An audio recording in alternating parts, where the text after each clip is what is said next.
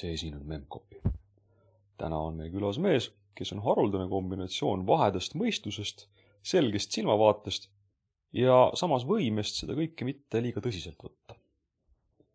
lisaks kõigele sellele on tegu inimesega, kellega on alati hiiglama tore juttu rääkida ja kelles avaneb järjest uusi ja uusi kihti, mida rohkem sa tema juttu kuulad.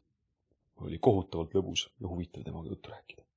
külas on Meelis Roos, head kuulamist! Memcpy. Aga hakkamegi, vot nüüd siis algab ametlik osa. mis su nimi? minu nimi on Meelis Roos. väga meeldiv.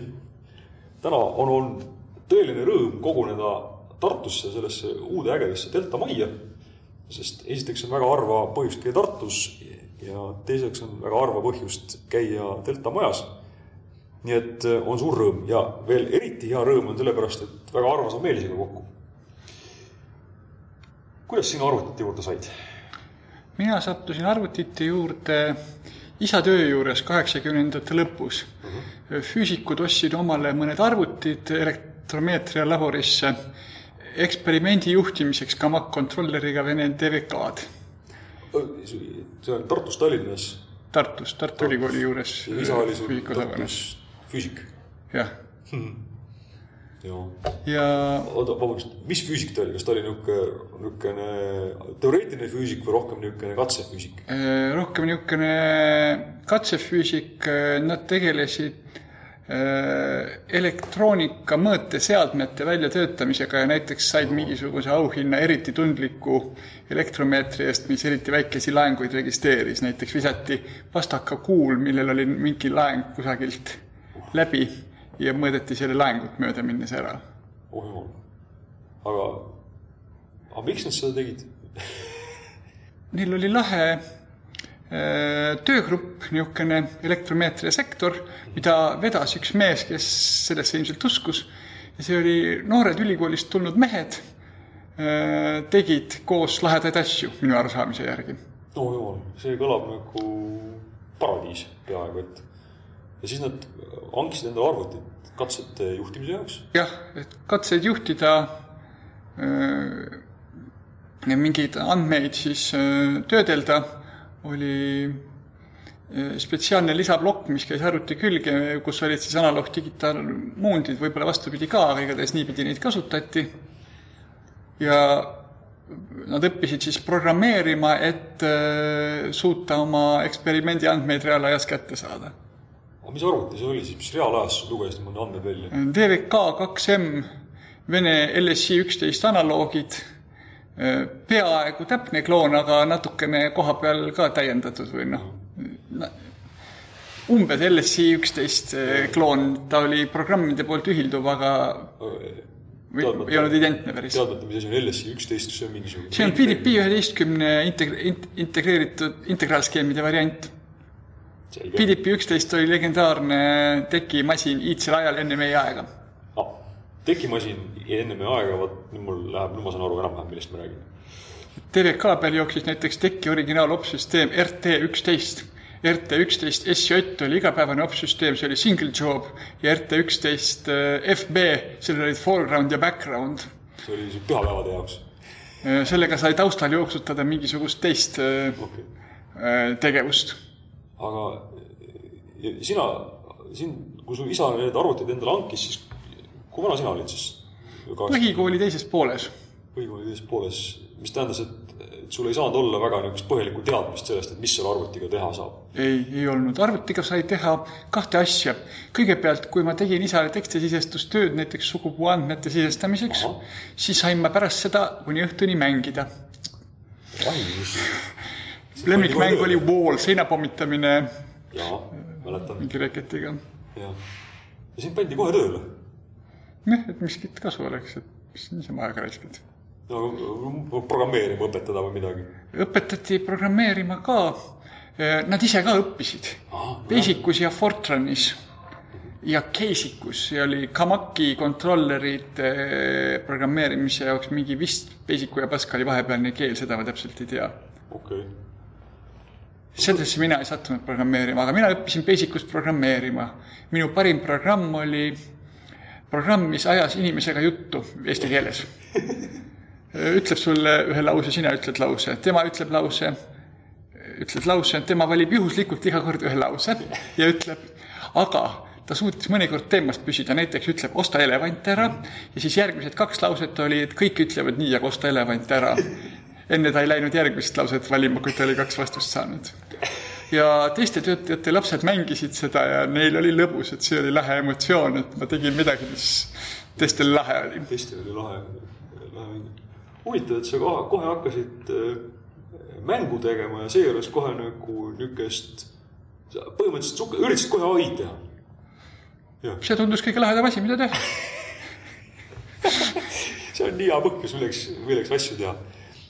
Aga kuidas need füüsikud selle arvutiga siis nagu toimetasid, need pidid kähku õppima, sest et nagu reaalajas mingit riistvara pealt mingeid andmeid lugeda ja kirjutada, see on ju noh, riistvara lähedane keeruline asi. Neid oli vähemasti kolm meest, kes õppisid programmeerimist ja neil oli üks natuke noorem mees pundis, kes oli nende põhiline arvutimees ja kes äh, seda vist paremini jagas kui teised ja kelle juures ka Mac controller oli. Arvuteid oli vist vähemasti kolm tükki selle labori peal, aga üks oli see põhiline eksperimendi juhtimise oma. see, mida mina kasutasin, oli niisama masinakirjutaja toas uh. -huh. seda sai kasutada siis äh, näiteks programmide sisestamiseks ja muidu andmetöötluse jaoks, nagu isa tegi sugupuu ülesjoonistamist arvutisse näiteks. okei okay oli puukujuline puu, puu läks vasakult paremale. Ja siis sai linn, sellele rullpaberile välja trükkida, siis oli pärast mitmeid rulle. kui koolis tulid mingid äh, tudengid ja äh, andsid igaühele äh, paberi, kuhu oli natuke templeiti ette tehtud, tehtud isa, ema ja lapse kohta, et joonistage oma sugupuu üles, et sugupuu uurijad mingid. siis mina palusin isal ühe koopia välja trükkida ei olnud probleemi, see oli, see oli sugupuu olemas. aga miks sa lasid siis endale niisugust andmesisestaja tööd nagu peale suruda, nagu lihtsalt selleks, et saaks mängida või mis paelus selle asja juures? algul selleks, et sai mängida, aga eh, kui selgus, et ise programmeerida saab ka ja see on täitsa lahe, siis ma pigem mängimise asemel keskendusin sellele rohkem hmm.. ma ikka mängisin ka vahel, ma ei jätnud mängimist päris maha. okei okay aga jah. mis selle, mis selle programmeerimise juures nagu lahe oli, ma just rääkisin siin erinevate inimestega olen juttu rääkinud ja, ja need põhjused, mida nad seal teha tahtsid, on väga nagu erinevad. mis sul see asi oli, mis, mis sind nagu selle programmeerimise juures nagu köitis, oskad sa kuidagi öelda? ma tegin ka mingeid asju käsitsi, näiteks äh, escape koodidega printerile õigeid asju saates trükkisin ja. oma äh, Äh, õpiku silte, kus oli põldis ja suuremas ja väiksemas kirjas kõik erinevatel ridadel asjad kirjas. Äh, ja, ja siis üks ema tuttav tahtis äh, oma firma logo visiitkaartidele, visiitkaarte trükkida. seda tuli, see firma logo tuli siis teisendada Epsoni printeri graafika escape jadadeks. ma joonistasin selle bitmap'ina ülesse aga siis leidsime, et ei tasu vaeva ja seda logot ma ei teinud, aga programmselt oleks selliseid asju lihtsam teha. et see oli näiteks asi, koht, kus ma nägin, et programmist võiks oluliselt kasu olla. et sul on niisugune üsna nagu praktiline nagu meel oli, et noh, kasulikku asja teha. oli firma nimega Tensiid, mille logol oli öö, mingi neljaharu, kolmeharuline neljast aatomist koosnev molekul visualiseeritud, et keskel üks lemmis ja kolm tükki külgede pealt sees, et nad tegelesid keemia äh,, äh, keemiliste äh, mingisuguste ühendite sünteesiga mm. -hmm. ülikooli keemiahoonest välja kasvanud firma minu arusaamise järgi. muuhulgas käisid aeg-ajalt reisidel sellest kasvas välja tensireisid, et keemia asemel oh. tegeldigi reiside korraldamisega. see oli logode joonistamise asi. aga mina üritasin algul Tensiidi logo arvutis joonistada ja mõtlesin, et programm võiks seda minu eest teha. jah, programm võiks seda sinu eest teha. kuidas see õppimine käis? Äh, kas sul mingi õpik oli ees või sul oli mingi manuaal? Äh, ma sain mingeid venekeelseid raamatuid, osalt raamatukogust isa tõi osalt olid mõni raamat ehk töö juures tal olemas ja need olid enamasti kusagilt laenatud ajutiselt. näiteks mul oli segadus ASCII koodi ja escape koodidega, escape koodid tulid terminalile saata ja printerile sai saata ja siis ma mäletan, küsisin isalt nõu, et mis neil vahet on, ASCII ja escape, et kas see on seesama asi. ja äh, aga siis on... ja siis olid raamatuid erinevad, näiteks oli üks raamat Basicu kohta, mingisuguse käsu kohta on mul siiamaani meeles kirjeldus, mis minu meelest ei sobinud sellisesse raamatusse. et komander, see käsk töötab hästi et äh, minu meelest oli see lati liiga madalale laskmine, et minu meelest peaks kõik hästi töötama. et asjad tuleks nii teha. asjad tuleks nii teha, et nad töötavadki hästi. aga see, millest me järeldame, et sul ikkagi oli äh, vene keele oskus ja päris korralik, et sa kannatasid nagu venekeelset raamatut lugeda. jah, ma olin üheksandas klassis umbes, kui ma programmeerimist õppisin ja kannatas venekeelset raamatut lugeda küll. meil oli põhikoolis niisugune vene keele õpetaja, kellega pidi õppima, nii et mul tõenäoliselt oli üsna normaalne vene keele oskus selle vanuse kohta. Tartu kaheteistkümnendas keskkoolis meil oli üks ukrainlanna vana Zinaida Tovkatš vene keele õpetajaks, kelle kohta meie kirusime, et ta on väga range ja isegi haige ei ole kunagi, et muudkui peab õppima ja muidu ei pääse jah, aga näed, pärast said programmeerima õppida selle pärast. kas keegi sind õpetas ka või käis ainult nagu raamatu? Äh, isa õpetas mulle neid asju, mida tema teadis ja õpetas plokkskeeme mm. -hmm. ja see kestis kuni keskkooli ajani välja, et kui mina tegin programmi ja see ei töötanud, siis oli kaks viisi debugimiseks. üks on see, et ma trükin ta rullpaberil välja ja loen õhtul kodus. -hmm. teine võimalus on see, et ma joonistan selle asja plokkskeemiks ja lähen näitan isale sealt pealt tema oskas äh, vigu leida küll. ja plokkskeemiks joonistamisel leidsin ma tihti vead ise ka ülesse.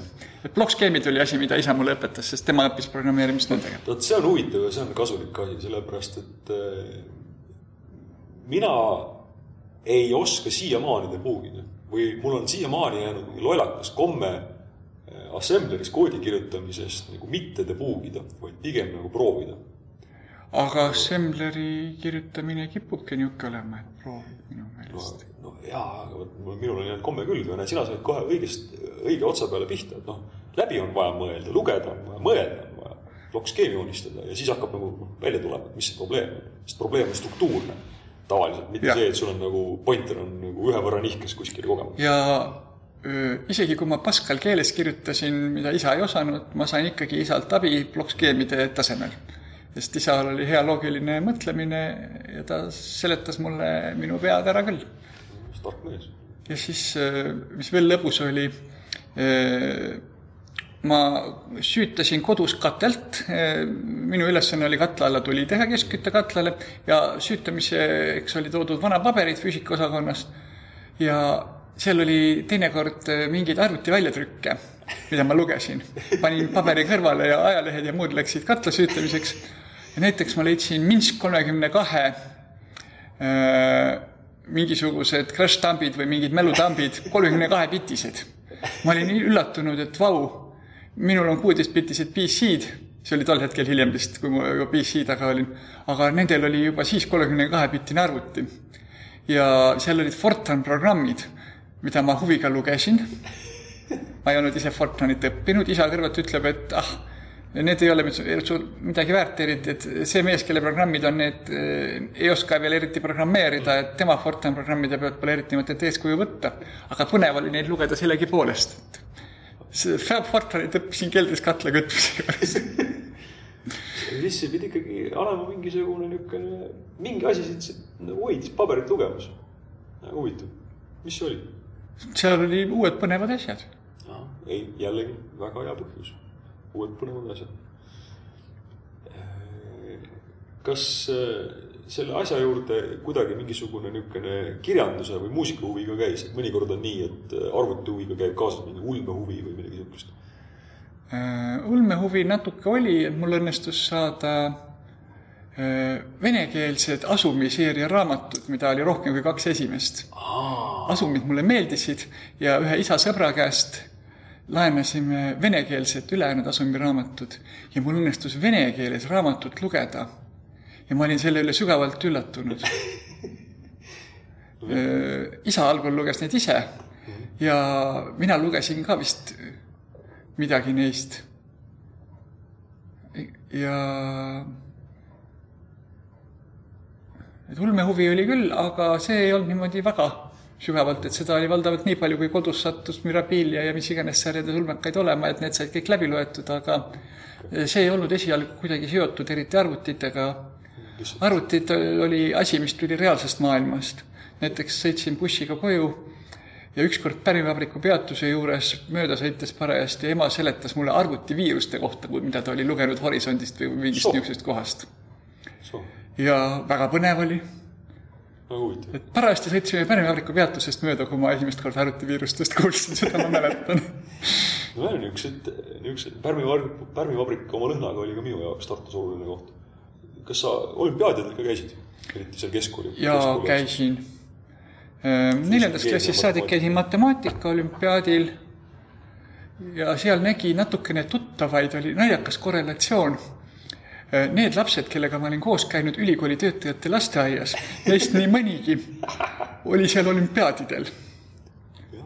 ja äh, järgmine laine sellega oli, minnes äh, keskkooli vastu, viisin ah,, miks ma läksin vanast koolist ära, vanas koolis oli nii, et keskkoolis pidi tulema kaks klassi reaalkallakuga ja humanitaarkallakuga. ja humanitaarkallakuga pidi see A ja eliitklass tulema, et kuhu paremad õpilased lähevad ja ülejäänud võiks minna sinna reaalkallakuga klassi. ma leidsin, et see on lati alla laskmine, et ma tahaks ikkagi mm, paremat. mind kutsuti nõkku.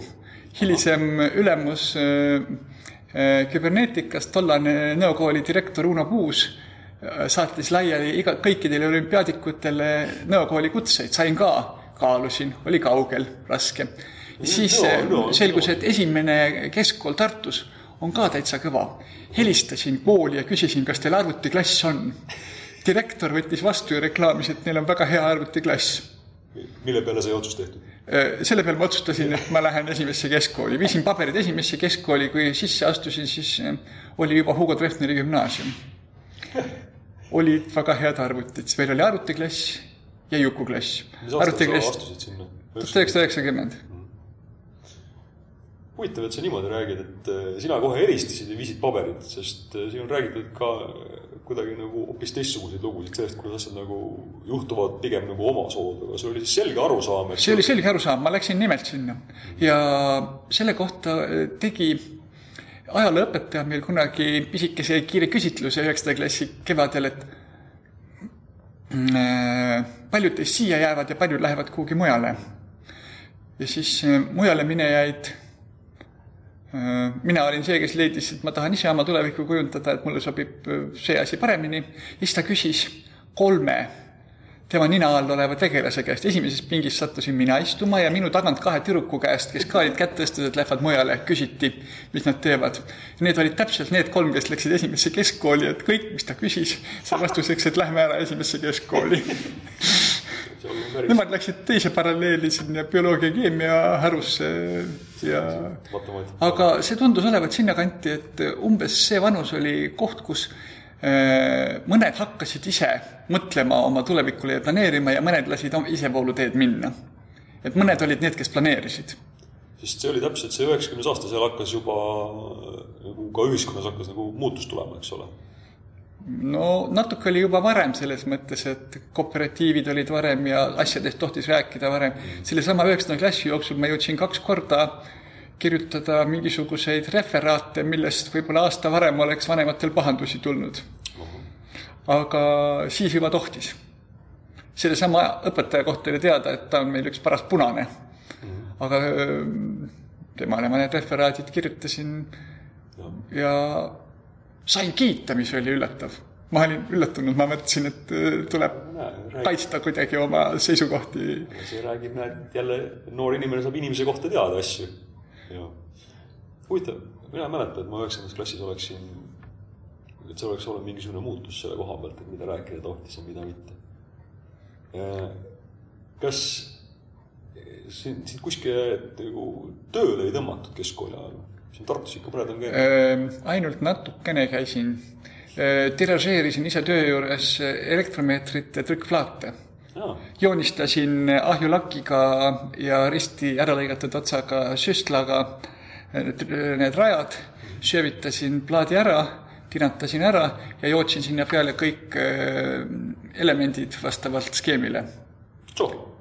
No see on ju, see tahab ju käelist elektroon-, oskust ja elektroonika huvi, kus sul see oli? seitsmeaastaselt oli mulle vist ise töö juures kolb kätte sattunud esimest korda, kui ma suvalisi tükke kokku jootsin, nii et eks ma oskasin kolbi hoida ja elektroonika huvi oli, aga elektroonikat ma ei osanud. ei oska, ei ole kunagi ära õppinud analoogelektroonikat. üldisi põhimõtteid tean, aga ise midagi mm, teha ei ole osanud. aga, aga miks? Digielektroonika oli seal kõrval. kui keskkool hakkas, tähendab, läbi saama ja ülikooli oli vaja minna, siis äh, mina olin neljandast klassist peale kindel olnud, et ma lähen füüsikat ja nimelt elektroonikat õppima. aga siis mingid arvutid tulnud, kah põnev elektroonika värk, aga, ja arvuteid sai matemaatika poolt ka õppida.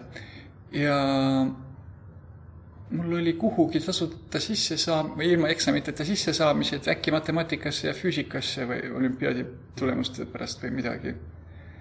Ja ma otsustasin matemaatika kasuks, sest füüsikaosakonnas ma olin kogu aeg kohal ja mulle ei meeldinud see, tundus niisugune, et kui midagi ära mm, tahta teha, et siis peab ise muudkui tegema, et äh, oli niisuguseid saarekesi, kes tegelesid oma kitsa erialaga, aga laiemat niisugust äh, kandepinda ma nagu ei märganud seal, et oli töögruppe, kes olid mingil tasemel ja tegelesid oma asjaga, aga võib-olla ma ei sattunud õigete inimestega kokku, aga tundus, et pigem niisugune jah, et nagu oleks see, seisev konnatiik, et igaüks on seal kinni, kus on ja nii on okay.. et äh,. jaa, just kuulan, väga põnev on, sest. no seal oli huvitavaid põnevaid asju ka, näiteks olid füüsikapäevad, kus rääkis Undo Uus, keda mu isa käis kuulamas, rääkis materjalismi ümberlükkamisest filosoofiliselt isa tuli koju, jutustas. panin kõrva taha. selliseid asju oli sealt ikka aga..., ikka päris mitmeid ja seal oli ühesõnaga, seda füüsikalist maailmapilti tuli sealt vanemate kõrvalt üksjagu. et see oli mul olemas. kuidas sa lillekesi matemaatikat sattusid õppima äh...? lihtsalt sellepärast sai tasuta sisse? ei, füüsikasse ma vist sain ka ilma eksamiteta. eksamid ei oleks probleem ka olnud, ma arvan, äh, lihtsalt laisk. laisad me olime kõik, äh, kes sellel keskkoolis klassijuhatajal tuli üheksandas klassis üritada meile ikka auku pähe rääkida, et poisid, olge tublid ja võtke, tehke need eksamid ikka ära, ja siis, siis saab medalile pretendeerida, muidu ei saa. Et äh, vaja oleks ju medaleid ka, siis me tegime vist kolm medalit klassi peale või midagi. mina sain hõbeda, ma täpsemalt ei mäletanudki. kunagi hiljem kooli veebilehelt lugesin, et ma hõbemedali sain, ma ei mäletanud. seda ma mäletasin, et medal oli, aga mis medal, seda ei mäletanud. Polnud oluline, see tuli iseenesest. ja siis, ühesõnaga matemaatikasse läksid sellepärast, et füüsika tundus niisugune natukene seisev vesi olevat. jah, ja ma olin kuuaegane paberite sisseandmist kindel, et matemaatikasse ma küll ei lähe. see oli Moskva, me käisime Moskva lahtisel olümpiaadil matemaatikas koolist tiimiga ja siis eh, seal olid mingid doktorandid, kes tegelesid meiega, seal ühtlasi toimus Международная конференция старшеклассников наука, природа, человек, kus eh, keskkooliõpilased said ise asju esitada Eh, mis nad olid teinud, keegi oli teinud kiiret vektorgraafikat, et eh, voldime siin kuubikut kiiremini kui AutoCAD või mis iganes wireframe'is. ja ägedaid asju oli tehtud ja, ja seal oli mingit Hollandi rahvast ja uh -huh. oli meelsusnarodne jah rahvusvaheline. ja siis äh, seal need doktorandid, kes meiega tegelesid, olid niisugused äh, parajad uhhuud, näiteks tuleb tegelane hommikul tahvli ette äh, mm, triiksärk on lükatud alukate sisse, alukad ulatuvad kümme senti pikkade pükste pealt välja, et tuleb niimoodi, jah, tuleb niimoodi tahvli ette, ma leidsin, et vot matemaatikuks mina küll ei lähe. aga siis ma mõtlesin ikkagi ümber, äkki matemaatikuks ma ei tahtnudki, ma läksin neid arvuteid õppima matemaatikateaduskonna poolt. mitte elektroonika poolt, vaid programmeerimise poolt. kuidas sul see ülikooli üleminek sellest äh, tundus? sa ütlesid, sa laisk olid, et ülikoolis ma mäletan, et pidi nüüd kohe hakkama tööd tegema. jaa, keskkoolis ma sain endale lubada laisk olemist isegi seal eliitkoolis või noh, mingil tasemel vähemasti ja ma sain keskkoolis arvutimängude mängimise isu täis mängida, ostsin omale üheksanda klassi lõpus äh, ZX Spectrumi Leningradi turu klooni tuhande viiesaja rubla eest, kui rubla juba kukkus. see oli suur rahanumber, aga ma sain mängida täis oma mängimise isu, joystick sai peeneks mängitud ja parandatud alumiinium, plastmassi paigatud alumiiniumiga, tuttav Treial tegi sinna uue varre. Pärast kippusid kontaktid läbi põhja tulema. aga see Spectrum oli nii hea arvuti, sellest sai aru igatpidi, Basicus sai programmeerida, Assembleris sai programmeerida Z80 peal, sellest sai täiesti aru saada. Ja elektroonikast võib peaaegu üleni aru saada, välja arvatud videopildi genereerimise osa, see ULA kivi või selle realiseerimine niisama lauseelektroonikana, nagu selles vene variandis oli seda kivi ei olnud kloonina võtta. ja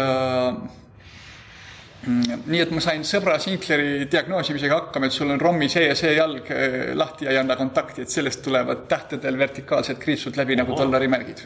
sest ROM-is oli see tähtede tabel ja kui seal on bitt on püsti, siis või, või maas, siis on et järelikult on sel, seal oli kaks ROM-i kivi vist, et sellel ROM-i kivil see jalg peab järelikult mitte kontaktis olema see jällegi tähendab seda, et sa pidid ikka neid asju nagu põhjalikult nagu uurima. mingi asi hoidis sind seal, seal sees. Äh, skeeme ma ikka kuskilt raamatutest ja niimoodi nägin. keskkooli lõpus, kui Venemaal käisin, ostsin metroost omale raamatu Vedenjev skeemotehniki IBM PC-AT. venelased olid kaks kaheksa kuue skeemid äh, välja ajanud äh, arvuti järgi ja üles joonistanud. Neil oli seal viga minu meelest Äh, mingi reset äh, signaal, selles oli aktiivne null versus aktiivne üks kusagil vist segamini. mul on niisugune mälestus. Et äh, see oli lõbus igatahes avastada niisugust asja trükitud raamatust. jah mis sa Venemaal tegid, käisite ekskursioonil kuskil? ei, me käisime olümpiaadil ah,. Moskva lahtisel ah, olümpiaadil. kord, kus sa lahtisel käisid okay.. ja konverentsil, millest me enne ei teadnud midagi, kui me sinna kohale sattusime, meil ei olnud mingeid ettekandeid, me kuulasime niisama, mis räägitakse ja vaatasime, millised on kenemad tüdrukud. üks Vene Maša oli kõige kenem ja siis äh, äh, olümpiaadil me eriti hiilgavaid tulemusi keegi ei saanud. mina sain meie pundist kõige parema tulemuse, sest ma ei joonud eelmisel õhtul alkoholi no,. Jällegi... aga seda oli seal saada ja seda käis ringi ja no, ja siis järgmine hommik oli pohmakas, siis äh, inimesed ei esinenud oma võimete tasemel. Ja mina olin meie omadest parim, kuigi seal oli meil vähemasti üks nendest meestest, kes veel oli kaasas, oli parema peaga kui mina. seda ma olen ikka alati öelnud, et, et see, et kas sul on parem pea või mitte, et see on eraldi küsimus, aga kas sa seda pead ka tarvitada oskad õigel hetkel, et see on nagu palju olulisem tihtipeale minu jaoks oli nagu õppetund, mida rahul, rõõmsalt teistele edasi jagada, et näe, et olümpiaadi tulemus sõltus selgelt just sellest. just nimelt, sul oli nii palju oidu, et, et seda oidu tarvitada või mitte. räägi sellest ülikoolist, Mati üheksakümmend kolm, eks, seal me sattusime kokku ka, aga räägi, kuidas sulle see matemaatika asi tundus sel kohal? see oli üks suur kukkumine, ma mõtlesin ülikooli tulles, et ma, ma, no ma tean, mis on reaalarv, näiteks siis tuleb matanalüüsi esimene loeng, kus hakatakse neid defineerima. kõike pidi algusest hakkama defineerima, ainult nende definitsioonide otsa ehitati kogu seda kõike. See tahtis palju harjumist ja tahtis palju tööd. mina ei olnud harjunud tööd tegema. sama siin. ja mina mõtlesin, et ma oskan programmeerida, kui ma ülikooli tulin aga asi, mis mind äh, näit-, mis mulle näitas, et on veel palju, oli Rein Prangi mattloogika õppeprogrammid, kus tehti puu layout'i, tõestuspuu layout'i ja mõtlesin, et vau, äh, puu layout'i niimoodi teha mina ei oska. Me õppisime seda küll alles hiljem, umbes kolmandal kursusel Varmo Vene funktsionaalses programmeerimises, kus me mingi Minimaxi ülesande tüübi näiteülesandeks tegime puu layout'i. aga jah, sellise, noh, seda oleks rekursiooniga ikka saanud kuidagi muidu tehtud ka esimese kursuse järel ka aga aga see oli jah, näide sellest, et äh, ei ole kõik ikka triviaalne jõuga peale ja teeme ära, vaid. No, mõistust, mõistust on vaja. see matanalüüs oli, matanalüüs üks ja eriti matanalüüs kaks olid need, mis võtsid päris nagu ohtralt meil kursa pealt rahvast vähemaks, sest just nagu sa ütled, et sa tahtsid nagu harjumist saada, see oli täitsa nagu teistmoodi mõtteviis.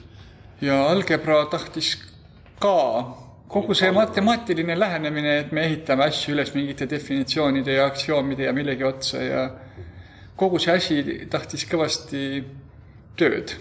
Ja ma kukkusin esimesel kursusel haiglasse, et sessi ajal ma ei jõudnud mõnesid eksameid tehtudki, tegin neid alles järgmise semestri sees.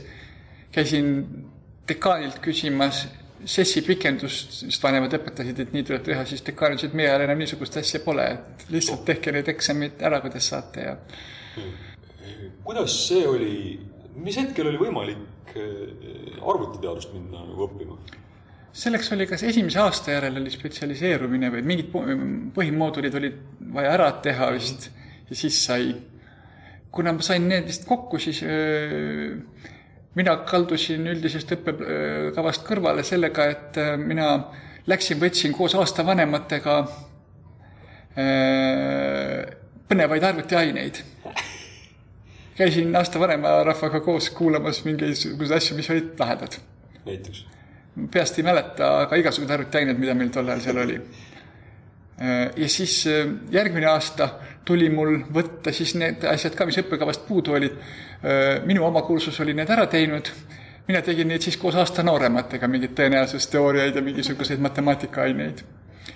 ja mingid, juhtus ka seda, et ma kirjutasin maha kodutööprogramme teiste pealt, meil oli mingisugused algebra analüüsi numbrilised meetodid, kus me arvutusmeetoditega numbriliselt tegelesime ma sain algoritmidest aru, nad ei pakkunud mulle algoritmi tasemel pinget ja ma ei viitsinud neid teha kui ma olin aru saanud, mis seal tehakse, siis sellest piisas. ja siis oli üks lahke mm, kaastudeng Jane, kelle programme ma kasutasin selleks, et neid esitada. ühe muutsin vist natukene treppimist ja muutuja nimesid mõnes ja mäletan, ma kirjutasin ühele kommentaaridesse üles viimati modifitseerinud Meelis Roos eks see praksi juhendaja teadis, et need üksteise pealt üksjagu maha võetakse ja kuna ta lasi endale ette seletada, mida see programm täpselt teeb ja algoritm, siis sellega polnud probleemi, ma sain kõik asjad ilusti tehtud. aga viimati modifitseerinud Meelis Roos. ja et jah, kirjutasin programme tüdrukute pealt maha, sest ma ei viitsinud programmeerida. noh, eks selle kohta ikka öeldakse, et äh, arvutiteadus üldse on applied laziness. et äh, see, selle, seda ma täitsa mõistan. kas see ülikooli arvutuskeskus seal Liivi tänaval kuidagi ei neelanud sind endasse, nagu ta siin mõnedki, mõnedki neelas? neelas ka mind, aga natuke teistel viisidel.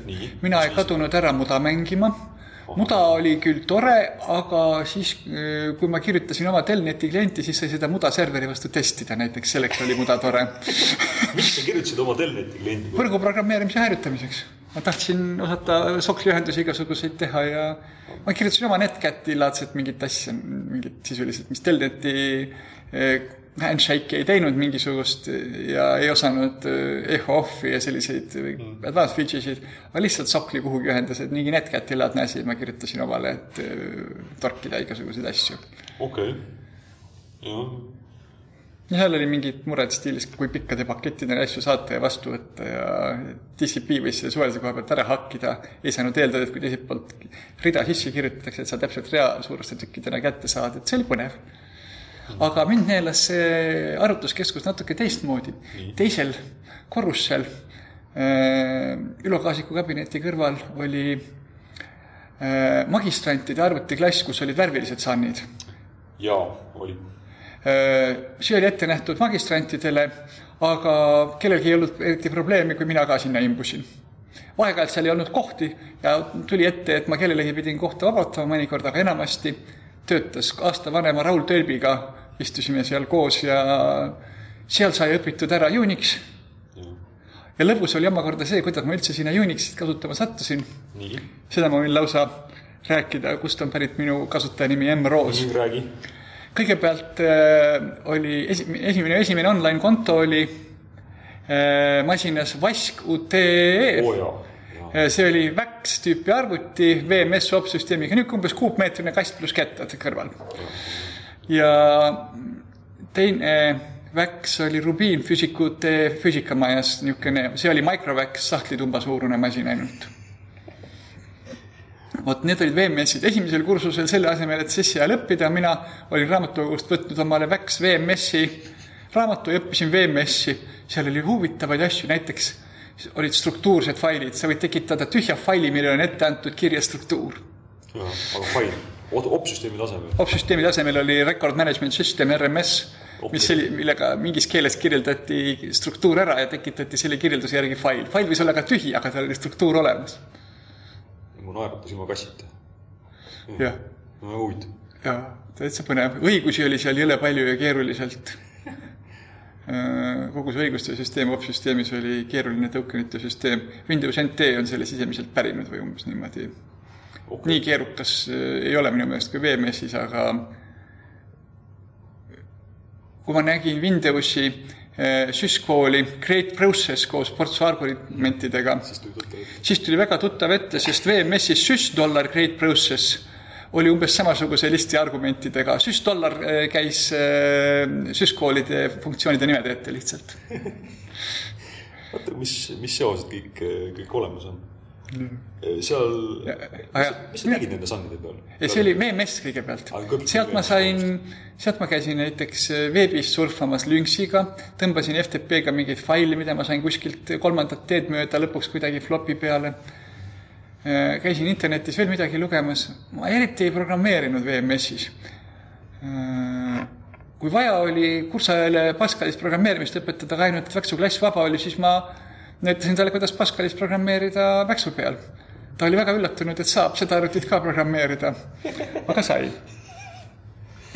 aga seal oli lahe programm nimega Swim, mis lasi ühe terminali peale multipleksida mitu akent. see akende suurusi lausa sai muuta. ja see oli lahe. ja sellega ma kasutasin kolme rakendust korraga. aga äh, Swim kippus ajama terminali hanguma, VMS, kõditas vist mingit VMS-i terminali, terminali driver'i buugi või mida iganes. ja Swim ajas kergesti terminali hanguma, siis tuli leida administraator, keda tihti majas ei olnud, või siis keegi sõber, tudeng logis äh, kuhugi üle võrgu Rubiini ja tookis Ville Hallikuga, kes oli sealne VMS-i admin ja ke kellel oli juurdepääs ka vaske olemas ja kes sai tulla ja terminali päästa, sest selle terminali tagant ei saanud keegi enam midagi kasutada. see terminal oli hangunud. tappis selle Swimi ja mingid asjad ära seal, nii et terminal sai jälle vabaks. ja Swim oli tülikas. ja siis keegi rääkis, et aga öö, aru, Arvutiteaduse Instituudi SAN-ides on Unixis programm Screen, millega sedasama teha saab. ja siis äh, tekkis mõte, et kasutaks seda. ma olin Unixit seni juba korra kasutanud, Math.ee-sse, kui tekkis online võrk, tuli kolm kaheksa kuus BSD. ja see upgrade iti üheksakümne kolmanda aasta lõpus äh, mingile uuele tundmatule opsüsteemile. sinna osteti neli kaheksa kuus arvuti asemele suure kahe giga sees kasivindiga ja selles kasikaardi toe jaoks vist äh, ei sobinud enam kolm kaheksa kuus BSD, vaid pandi asemele mingi uus asi tundmatu nimega, see oli Linux. versioon null punkt üheksakümmend üheksa BL midagi. kust, kust sihuke asi sattus Tartu linna? kust kolm kaheksa kuus BSD sattus, miks mitte? Nojah, sest, tegelikult internet oli olemas, eks ole. jah. ja, ja kasutajad koliti kolm kaheksa kuus BSD-st eh, Linuxisse üle, siuhti. ja mul oli mingis Linuxis kasutaja, jaanuaris umbes upgrade iti see Linux ära versioonile üks punkt null punkt kaks, kerneli versioon. ja mul oli siis Linuxis kasutaja, ma olin natukene nuusutanud Linuxit. ja siis, eh, kui ma tahtsin eh, seal Liivi tänaval Unixi screen'i, siis Mathwood ühendus oli aeglane see oli tihti läägis päris kõvasti, üheksa tuhande kuuesajane ühendus jagatud paljude kasutajate vahel ja meilide ja muude vahel. siis eh, ma küsisin sinna CS1, CS2, CS3 olid masinad ühise loginiga, küsisin omale CS3-e, hiljem CS3 UTE, hilisem Romulus CS UTE, kui need eh, CS UTE nimed said. küsisin sinna omale account'i ja põhjendasin seda, et tahaks näppida mõnda mitte Linux Unixit. seal oli Solaris ja see tundus Toomas Soomele piisavalt hea põhjendus. Toomas Soome kasutajanimi oli Tõh Soome, ma mõtlesin, et ahaa, ju siis Unixis käib see niimoodi. küsisin omale siis tema, tema süsteemi, sama süsteemi järgi kasutajanimeks Mroos.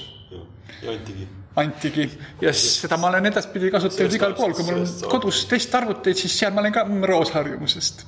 Sellepärast sa oledki Mroos sellepärast ma olengi Embroos, et oleks, et, et, et tee Soome mulle kasutajanime teeks, tuli öelda, et ma tahan Solarist kasutada.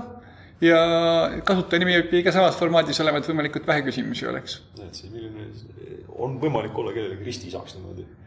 jah, mul oli, möödunud äh, aastal oli väga sürr kogemus, kui kevadel võttis minuga ühendust Toomas Soome, kellel oli siiamaani magistri tegemata, ta tahaks, et ma juhendaks tema magistritööd ma mõtlesin, et muna õpetab kana, et mida mina siin teen, aga tal oli tehniline töö korralik olemas ja mina teadsin, mismoodi üks magistritöö peab enam-vähem välja nägema, nii et eh, sellest teadmisest oli kasu, nii et see töö sai tal vormistatud magistritööks ja ta tegi edukalt selle ära ja aga algul lihtsalt oli väga sürr reaktsioon, et et kuidas muna õpetab kana. kuidas nii saab üldse olla? Ma mäletan, mul samasugust reaktsiooni, kui ma kuulsin, kuidas Anne Villems tegi endale magistrikraadi kuidas kunagi siin ka üheksakümnendatel, et mis, mis mõttes, kuidas, kuidas see üldse saab niimoodi olla, aga näe, oli. ja Atis oli terve hulk rahvast, kes tegid hiljem magistrit. just, just, just. Kuidas sind teadust ei tõmmanud tegema? ei, vot teadust tegema ei ole mind kunagi eriti end tõmmanud ja keegi ei suutnud mulle ka auku pähe rääkida sel teemal. aga prooviti? Äh, mitte väga, meelitati erinevate viisidega mingeid materjale ette söötes. materjalid olid nii teadusega kui mitteteadusega seotud, näiteks Jaanus Põiel jagas mulle omal algatusel kunagi Java language specification'i, et nüüd näe, üks uusmoodne asi siis, kui Java oli uusmoodne asi? jaa, siis oli veel uusmoodne asi. et selliseid asju ülikoolist ikka sattus ja, ja. ma mäletan, ma olin rebane ma ei olnud veel spetsialiseerunud Arvutiteaduse Instituuti informaatika erialale, aga mul oli vaja kusagil välja trükkida viietollise flopi pealt mingit tekstifaili. ma lihtsalt vajusin kohale Liivi tänavale ja käisin mööda uksi koputamas, äkki oli mingi laupäev ka või midagi või, või muidu õhtune aeg, et seal ei olnud palju rahvast. sattusin Mati Tombaku ukse taha, kes lahkelt lasi trükkida see oli raamatukogust äh, mingisuguse kataloogi otsingu tulemus välja trükitud mingi raamatute otsimiseks. ja seda oli, äkki oli laupäevasel päeval vaja välja trükkida ja siis äh, Mati Tombak oli see, kes lasi mu trükkida ja sellest tekkis niisugune tänutunne kogu see Läti vastu, et siin on lahked inimesed. no Lätis ongi lahked jah, ongi. kui nendega jutu peale saab. et äh, see oli minul niisugune esimene sedasorti tore, tore, kui on toredad inimesed. räägi, kuidas sa, ühel hetkel peab inimene ju hakkama nagu raha teenima, millal sa tööle läksid mm,? minu esimene ametlik töökoht oli Tartu Ülikooli täppisteaduste koolis metoodik see oli post, postmasteri töö tegelikult, aga postmasteri nimelist ametinimetust ei olnud. Äh, korraldati äh, programmeerimiskursust äh, e-mailitsi koolides. ja mina olin see, kes pidas arvet selle üle, kellel on missugused ülesanded lahendatud ja saata neile järgmisi aga kuidas sa ja arvutiõpetajad, kes parandasid, kellele vastused saadeti ja kes parandasid, saatsid minule seisu. Ja mina siis selle järgi saatsin edasi. Äh, mina olen laisk inimene, mina esimesel tööpäeval võtsin, nägin pool päeva vaeva ja kirjutasin skripti. et ma panin kuhugi tekstifaili valmis nimed ja programm võttis sealt järjest nimesid ja mm, saatis neile ära ja pani nad ja kui nimed ei esinenud teises failis, kus on need, kellele on juba saadetud või see oli perülesanne fail või midagi sarnast. ühesõnaga, ta pidas arvet, kellele on saadetud, et topelt ei saaks. ja kui ma selle skripti tööle tõmbasin, siis äh, Rubin Füüsiku.ee, tollane füüsikamaja Unixi server, kõristas umbes pool tundi. pärastpoole ma õppisin naiskäsu ka ära, aga aga, aga see tähendas, et kogu minu edasine töö pärast selle skripti kirjutamist tuli copy-paste meili seest sinna sisendfaili ja skript tööle lükata, kui kõik olid copy-paste itud. see on see, ikkagi on tõe. automatiseerisin oma töö lihtsalt ära. see on see T-särk, mille peal on, et mine ära või ma asendan su väga lühikese shell'i skriptiga. vot, mina kirjutasin shell'i skripti oma esimese töökoha jaoks. jaa. aga kuidas sa sinna sattusid? Kes sind kutsus, kuidas? Äh, ma arvan, et Indrek Jentson täppisteaduste koolist kutsus mind, kes mattteaduskonnas oli äh, vanem tegelane ja olümpiaadidega tegelenud ja ja tema kutsus mind, ma läksin täppisteaduste kooli ukse taha, tuli Viire Sepp vastu, kes juhatajale ütlesin tere, tulin töölepingut tegema, nagu mind saadeti. mis töölepingut ja siis seletasin, et Indrek Jenson saatis postmasteri töö, see lepingut tegema mind siia. see oli kuskil üheksakümmend viis, üheksakümmend kuus, täpselt üheksakümmend kuus algust, ma ei mäleta täpselt millal. see oli päris vara, mina läksin üheksakümmend kolm programmeerijaks tööle, tuleb häbiga tunnistada. sa olid Korelis või? mina läksin, me läksime Veljo Haguga, läksin Korelisse üheksakümmend kolm. meie tõesti häbe. jaa, ma käisin Veljo töö juures vahel. jaa, meil käisid seal väga mitmed käisid, huvitav seal pidi olema midagi huvitavat, sest ma mäletan, meil käisid paljud kursandid käisid külas. seal oli mingid mängud. võis olla küll. Dune'i mängis Vello näiteks õhtul, Veljo õhtul ja. näiteks millalgi, kui ma sinna sattusin, siis ma vaatasin, kuidas see käib. Minul oli see, et mängimisega ei olnud mul erilist suhet. ma sain keskkooli jooksul oma mängimise ju täis mängida Sinkleri peal ja, ja lülituda juba programmeerimisele sellega, et ma tean, et see on palju põnevam asi ma kirjutasin oma binaari editori näiteks, millega mängudest järgmiste levelite paroole välja nuuskida ja muid niisuguseid asju. see oli juba keskkoolis, et sai igasugust arvutiturva teemal huvi tuntud ja nuusitud. just see oleks mu järgmine küsimus olnud, et, et see arvutiturva tundub olevat nagu kuidagi üsna sügavalt sees, et sealt, sealt jaa, see on keskkoolist saadik. Äh, meil oli keskkoolis väga põnevad võidujooksud arvutiõpetajaga väga harivad. näiteks oli õpetaja arvuti klaviatuuri parooli all ja aeg-ajalt tehti sellega meilivahetust, nii et masin klaviatuur oli lukus, aga muidu masin töötas edasi, IBM PS2-del oli mingi niisugune keyboard lock'i feature. Küll ma üritasin leida meetodeid sellest mööda hiilimaks, kui ma sain mingeid skeeme kuskilt näha, siis mul tekkis idee, kuidas i kaheksa null neli kaks klaviatuuri kontrolleri kaudu teha masinale sobivat warm boot'i et sealt mööda hiilida, aga klaviatuurikontroller oli lukus edasi kusjuures. et taip-, ma kirusin, et need IBM-i jamad on kavalad olnud kuskil riistvarad on ära keelatud ja, ja, ja, ja nii oli. aga jah, see oli algul. lõpuks selle arvuti parool saadi teada lihtsal viisil. vaadati üle selle arvutiõpetaja õla, kes aeglasemalt tippis kui see oli teada saadud, ega me sellega midagi ei teinud, see ei olnud. lihtsalt oli prize oli käes. jah aga minul oli edasi põnevam see, kui keskkoolis äh, viimasel aastal oli kolm kaheksa kuued kohale jõudnud ja nende C-ketas, äh, kõvaketas äh, pandi kirjutus kaitse alla, nii et tehti virtuaalne ühesõnaga CD, et D oli virtuaalne ja C oli vist ka selle kaitse taga või kuidagi. mingi spetsiaalne driver laaditi config sys'ist, mis keeras kogu C read only'ks ja ma avastasin selle niimoodi, et mul oli vaja mingi enda soft'i katsetamiseks see asi kuhugi autoexec'isse või config sys'i panna või sealt midagi välja kommenteerida, et minu asi ära mahuks või täpselt ei mäleta, mis.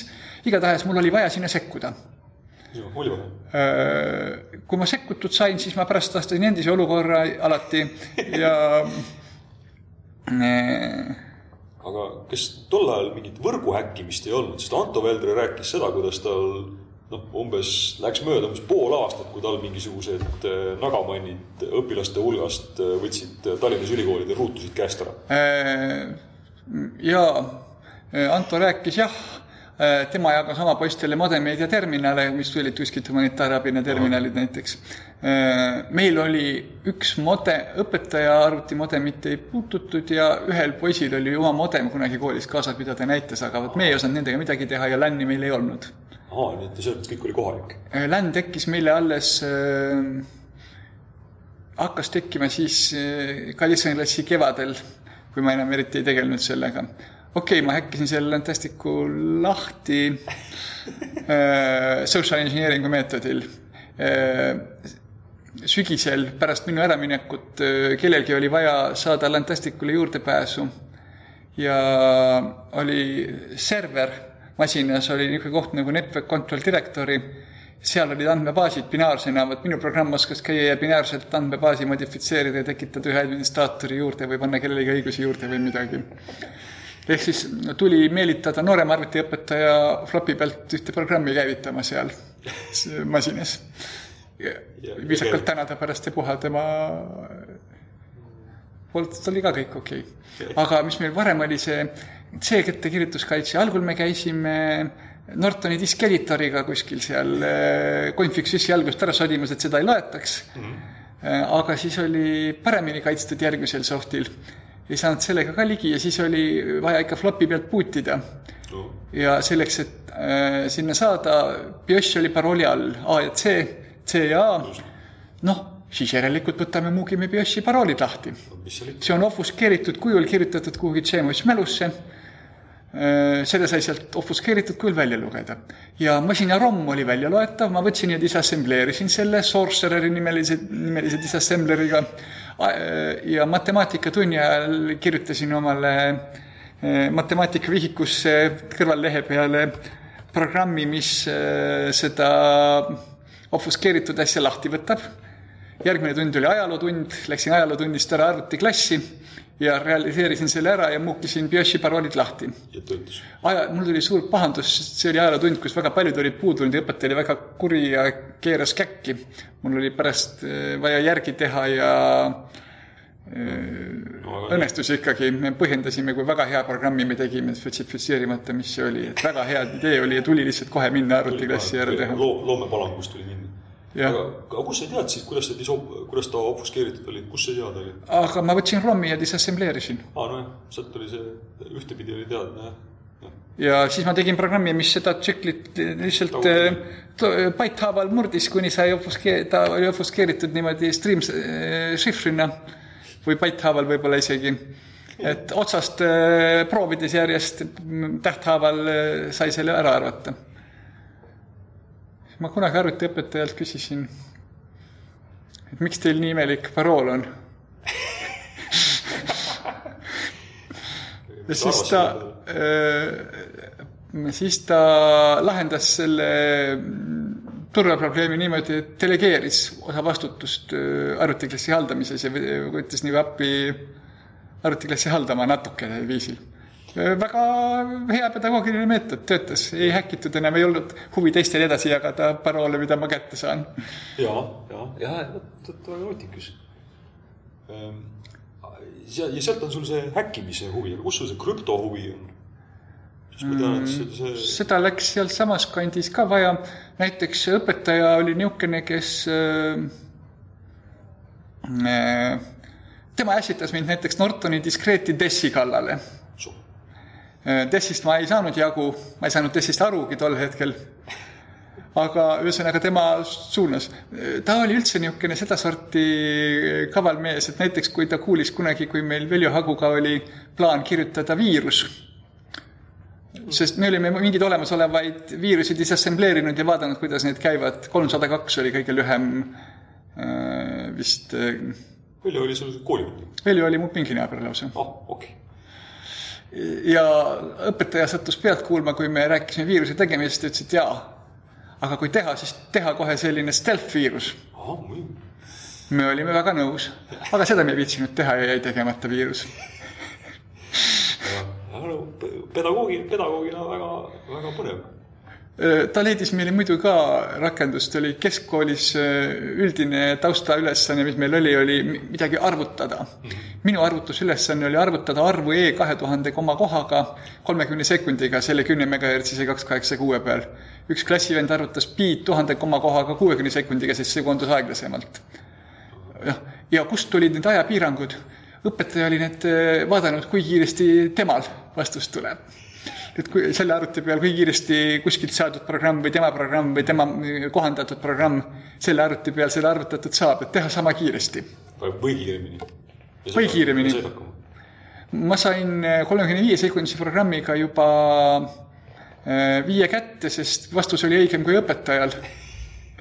kuna need erinesid, siis ta võttis targa raamatu ja siis selgus, et äh, minul oli õige mul oli selleks hetkeks olemas kahekümne ühe sekundine programm, mis eh, käigu pealt eh, suurendas mingi hetk eh, arvutüübi pikkust. algul tegi lühema tüübiga, hiljem pikemaga, et kiiremini saaks.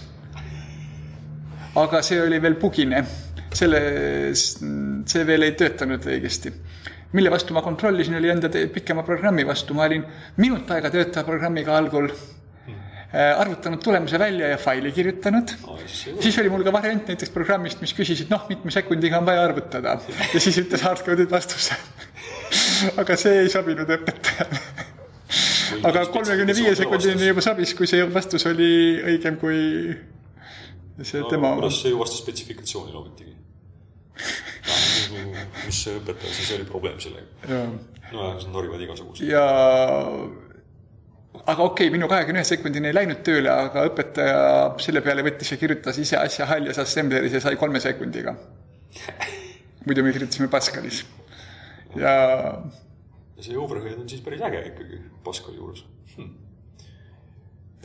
ja teine asi, mida me tegime, mis oli keskkooli ajal hulga nuputamist, interferentsi simuleerimine arvutiekraanil, kaks eh, punktlaine allikat ringlainetega, kuidas lained liituvad, et tuleb interferentspilt ja äh, seal ma nägin ka vaeva, arvutasin ruutjuurt assembleris äh, näiteks Newtoni meetodil, et äh, ühesõnaga ma arvutasin iga ekraanipunkti kohta selle faasi välja niimoodi pimesi mm. -hmm nii et ühtegi punkti näha ei olnud, aga ma sättisin pikselite väärtused, palett oli seotud üleni mustaks arvutasin kõik pikselite väärtused ära, assembleris optimeeritud mat-, selle arvutusvalemiga.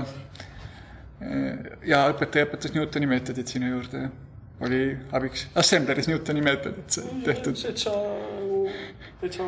oli väga hariv. jah, kuule, see tundub olevat äh, nagu läbiv joon, et kõik asjad on nagu harivad olnud või noh, et igalt poolt nagu on olnud huvitav ja hariv ja lõpuks ma siis ketrasin VGA paletti, et tech-help'id ja Ralph Browni interruptistid ja muud niisugused tehnilise dokumentatsiooni failid liikusid. seal oli kirjas, kuidas VGA paletti muuta ja ma seadsin siis paletti niimoodi, et need värvid, eh, mis mul on, liikusid sujuvalt heleduse eh, järgi ja siis tulemus oli see, et nagu oleks liikunud lained ekraanil. ja, ja see oli minu meelest tippsaavutus see oli väga ilus sujuv liikumine selle kümne megahertsi juures, et punkte üle arvutada poleks kuidagi jõudnud. ja siis näidati mulle ühe teise õpetaja tehtud programmi. tema ütles, et näed, minu ideest see alguse saigi, et interferentsi simuleerida. tema tegi juku peal söökel käsuga valgeid rõngaid üksteise ümber viiemillimeetrise vahega, et need läksid mind edasi aeglasemaks ja minu reaalajalise sujuva pildi vastu ei olnud seda midagi ja mul oli tükk tegu, et mitte naerma hakata. aga kiitsin siis takka ja, ja oli, aga õpetaja suutis anda niisuguse ülesande, mille peale mul kulus ikka kaua ja sain palju targemaks. õpetaja oli Tarmo Ainsaar, seesama, kes äh, suunas meid viiruse kirjutamiselt ära ja kes lahendas selle BIOS-i paroolide haldusteema probleemi meiega, nii et äh, probleemi ei tulnud ja paroolid levima ei hakanud ja et äh, väga hea õpetaja ta äh, suutis meid suunata tegema õigeid asju, nii et me selle juures õpime ja paha peale ei lähe. see, see viimane on hästi oluline, eriti kui me tegeleme krüpto ja, ja infoturbega. kuidas sa küberisse sattusid? küberisse? ma töötasin Haaklaabis ja mõtlesin, et mida võiks magistriks teha. seal tegeldi hajusate andmebaasidega, me saatsime SQL käskhaaval andmebaaside diff'e üle võrgu mitmes suunas jah. see oli põnev, me saime selle tehniliselt lahendatud, algul käis see mul üle UUCP, hiljem üle PPP ja POP3 ja SMTP. mina ehitasin internetti sinna all oli ka põnev ja neid äh, diff'e siis saatsime ja tekkis küsimus andmebaaside konsistentsusest, mis tingimustel jääb, mis tingimustel ei jää konsistentseks. et kas me saame mingi eventually consistent mudeli sealt või mitte, mõtlesin, et ma hakkan sel teemal magistrit tegema. -hmm. aga siis kõrval oli tulnud, ma läks, sattusin Haaklabi tööle seoses sellega, et ma installisin sinna Linuxi serveri, gateway ja serveri ja selle peal käis veeb ja meil ja kõik sest mina olin sealt juba ära vist. sa olid juba ära, ma kusjuures mõtlesin, et võtan sul nööbist kinni, küsin, miks sa sealt ära läksid, kas ikka tasub sinna tööle minna. aga ma vist ei sattunud sind tol hetkel tabama ja siis ma ei käinud sinult küsimas, miks sa Haaklabist ära tulid. ja siis, või küsisin kunagi tagantjärgi, järgi mul on nagu mälestus olemas, aga jaa, küsisin. sain vastuse ka. ja siis äh, Haaklabis äh, ma äh, äh, interneti teemal, mis mind huvitas tol hetkel ei olnud mul eriti kuhugi areneda. ja noh, seal ei olnud kellegi teise käest sedasorti asju õppida, kui siis ise õppida ja ehitada asju, mida oleks võinud pisi ISP-na veel ehitada, siin ISDN sissehelistamiskeskusi, kui oleks leitud raha ja et see rentaabel on. niisuguseid asju oleks eks saanud, aga, aga siis samal ajal ma käisin mõnes koolis abis Linuxit installimas ja käisin laenamas Red Hati installplaati suvel või millalgi suvel vist jah, Elmer Joandi käest Tartu lähedalt maalt ja kus, kus, kus sa ikka laenad Red Hati plaati, kui mitte Elmer Joani käest Tartu lähedalt maalt? tal oli see plaadina kohe olemas. ja ei pidanud flopidega messama muudkui installima. ja Elmer ütles, et muide äh, Tarvil olla plaan Tartusse meiesuguste jaoks pesa teha. jaa, õige. ja siis äh, mina käisin juunikuus umbes äh, Tallinnas kübernetikas Helger Lippmaa juures, et tuleks magistrit tegema hoopis krüptoteemal. Helger, ma mõtlesin, et äh, näiteks pordiks OpenSSL-i Windowsile, sest mul oli Windowsi all krüptot vaja olnud mingite Visual Basicu rakenduste juures, aga ei olnud sellest konkreetsest ideest arvati kehvasti, et ei näe, keegi on vist juba portinud ka midagi ja ja, aga tule meile niisama progema, mitte krüptot, ütles Tarvi kõrvalt. oleks peaaegu Keberisse tulemata jäänud. ja siis, aga Helger kutsus mu ikka, tule ikka turvaasju tegema ja, ja siis ma, mind kutsuti Küberi väljasõiduistungile kvart-, ehk kvartalnäjale. üheksakümmend seitse sügisel Arula motelli. seal oli kutsutud kogu tulevane Küberi Tartu andmeturbelabor. ja Viljar Tulit, üks oma habemesse diktsiooniga ütles, et seda sa pead ikka ise suutma ära otsustada millegi järgi, kas sa tahad siia või ei taha, et kui ma ütlesin, et segane, segane on veel, kas ma tulen või ei tule. ja siis äh, äh, räägiti ka tehnilistest teemadest ja mina läksin Küberisse tarkade inimeste juurde, seal olid Aarne Ansper ja Viljar Tulit, kes oli kogenud süssadmin, kogenum kui mina. Ja kui mina tegin näiteks tükk aega FTP otsingumootorit Nuuskur koos teiste tudengitega, siis Aarne oli selle mm, mingi stiilis nädal otsa õhtutega ära teinud või niimoodi. Aarnel oli ka Vosa nimeline FTP otsingumootor Eesti FTP serverite kohta. Vosa nagu vanaisa oli sulle Aatši tal oli ainult veebiliides, meil oli muid liideseid ka, meil oli Telneti liides ja Achi Prospero protokolli liides, millega vana Achi klient töötaks ja meililiides ja meil oli võimalikult võimas vinge süsteem tehtud kamba peale, kõike ei teinud mina, teised tegid ka. ma olin lihtsalt üks vedajaid lõpuks, kes tegi kõige rohkem tükke sellest. ja sellega selgus, et Arne on tark. ja sellega selgus, et Arne on tark ja siis tasus sinna? seal oli veel asju, millega see, kui see tarne on tark. osa oli jah, selge, aga näiteks tal oli Fido ja interneti vaheline gateway. Ma olin selle kaudu Fido lugeja, ma pole päris Fido netti kunagi näinudki. minu jaoks Fido oli just another NNTP server stiilis GXIOCE ja sinna tuli kasutajal meie parooliga läheneda ja sai tavalise newsreaderiga lugeda ja kirjutada, et minu jaoks oli Fido teenus üle interneti, mida vahendas Aarne tehtud süsteem või integreeritud süsteem. mis sa praegu teed? Praegu ma olen küberis turvainsener ja praktikas ka tarneinsener, kes pakendab asju ja ehitab mingeid keskkondi automatiseeritult nende otsa. õpetad, õpid? ja õpetan ülikoolis olen ülikoolis äh, hajussüsteemide külalislektor, õpetan operatsioonisüsteeme baaskursusena, andmeturvet baaskursusena ja magistrantidele õpetan turvalist programmeerimist, et kuidas teha nii, et auke poleks koodis. mõni ikka kuskilt leidub. ikka, ikka jaa, aga eks seda ole aja jooksul piisavalt palju endale vastu tulnud. andmeturbekursus sai tehtud äh, siis, kui ma olin magistrant Helger Lippmaa juhendamisel. Helger ütles, et kuule et sa võiks teha sellise andmeturbekursuse ülikooli. mõeldud, tehtud, tegingi, tegingi. Kellegiga eriti nõu ei pidanud. küberi turvaraamatu võtsin äh, vihjete jaoks aluseks infosüsteemide turve esimese köite. või oli vist esimene valdavalt. võib-olla esimene. see tundub olevat nii sinu moodi, et võtad, tegid ja saab väga hea ja parim kiitus, mis ma andmeturbeainele olen kuulnud, oli kunagi, kui hakati küberkaitse magistrikava tegema ja oli Tallinnas äh, sel teemal siis koosolek. ja oli häda, et kui me tahame neile õpetada seda, seda, seda, seda, seda kõiki asju, et see ei mahu meil ainetesse ära. ja selle peale oli vist Enn Tõugu kes ütles, et kuidas, et Meelis jõuab andmeturbekursuses neist kõigist asjadest rääkida, et mahutame ikka magistrikursusesse ka ära, et mis sest, et põhjalikumalt, aga küll me mahutame. et äh, see, see oli hea kompliment kursusele, et Meelis räägib neist kõigist ju. see on tõesti väärt kiitus. aga praegu on meil paraku aeg otsas, sellega ma tahan sulle öelda hästi suure tänu, sellepärast et äh, sa võtsid aega ja rääkisid meile, aitäh! Mem Memcopy.